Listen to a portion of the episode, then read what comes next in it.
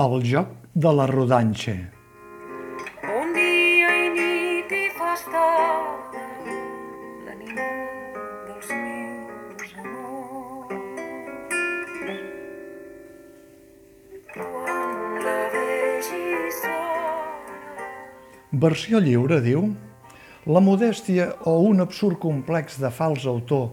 que porta la butxaca el director Àlex Rigola segurament és el que fa que sigui ell mateix el que qualifiqui de versió, a partir de l'obra de Chekhov, el que en realitat es podria qualificar sense embuts d'obra original.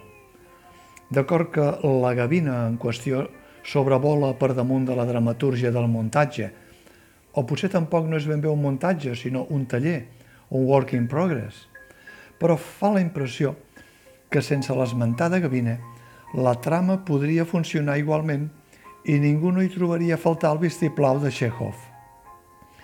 I una altra observació abans d'entrar en el que fa el cas. Aquesta nova proposta d'Àlex Rigola té tantes versions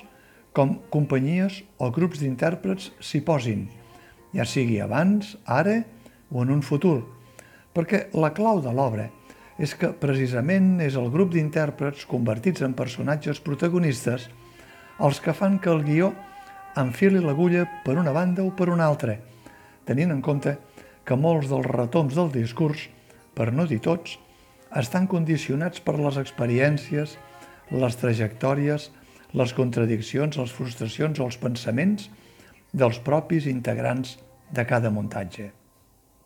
Aquí, per exemple, en aquesta temporada de la Villarroel, repescada del grec i temporada alta del 2020, el director, que ja no va poder estrenar a Barcelona l'any anterior arran del tancament dels teatres pel coronavirus, ha hagut de començar de cap i de nou adaptant-se ell i adaptant la trama als intèrprets que en realitat l'han reestrenat ara, entre ells l'actriu Chantal M, que ocupa el lloc que tenia l'actriu Mònica López, que se l'estem els de la calòrica al poliorama amb la reposició de l'exec del TNC, i l'actor Jordi Oriol, que a temporada alta feia d'autor i ara ocupa el paper de l'actor Nau Albet, que s'ha embrancat amb la violència shakespeariana de Jan Lauers i la Net Company, vista al TNC dins el grec 21. Però és que en la primera temporada del Teatro de l'Abadia de Madrid hi van prendre part l'actriu Irene Escolar i fins i tot uns dies l'actor Pep Cruz. Repeteixo, si això no és un taller o un work in progress constant, com a mínim s'hi assembla. I té el seu mèrit perquè fa que cada nova proposta o a cada nova temporada el contingut faci un gir de 180 graus, depenent de quina sigui la història personal de cadascun dels intèrprets. I aquest és, per descomptat, l'atractiu de la retitulada La gavina d'Àlex Rigola, que està en la línia que el director ha anat portant a terme en propostes seves anteriors, com Ivanov, Vania o el més recent i celebrat, aquest país no descobert que no deixa tornar de les seves fronteres cap dels seus viatgers, amb Alba Pujol i Pep Cruz, primer a la Sala Beckett i després al Poliorama. Però quin és el risc que corre Alex Rigola amb aquesta producció de la gavina de cara al públic en general? Doncs que els presumptes espectadors es divideixen en dos grans grups, els que se senten atrets per revisar un clàssic de Chekhov, que bé, ara veurem la gavina, i els que s'hi enfronten per primera vegada. Provem-ho, que diuen que això de la gavina era d'un tal rus i que està molt bé. I resulta que ni els uns ni els altres, si no s'han informat abans com Déu mana, no hi troben l'obra que esperaven, sinó tota una altra cosa, i l'únic rastre físic de la gavina, amb perdó per la frivolitat per part meva, acaba sent un ocellet de paper. Àlex Rigola, que en aquest cas s'ha incorporat ell mateix al repartiment, ni que sigui una mica l'ombra, a més del recurs de la projecció, té estructurada aquesta posada en escena amb la combinació cara a cara d'intèrprets veterans amb intèrprets pràcticament debutants.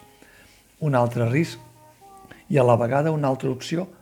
per trobar en la feina diària un estímul inexistent en una companyia on tothom ja es coneix les virtuts i els defectes de fa temps.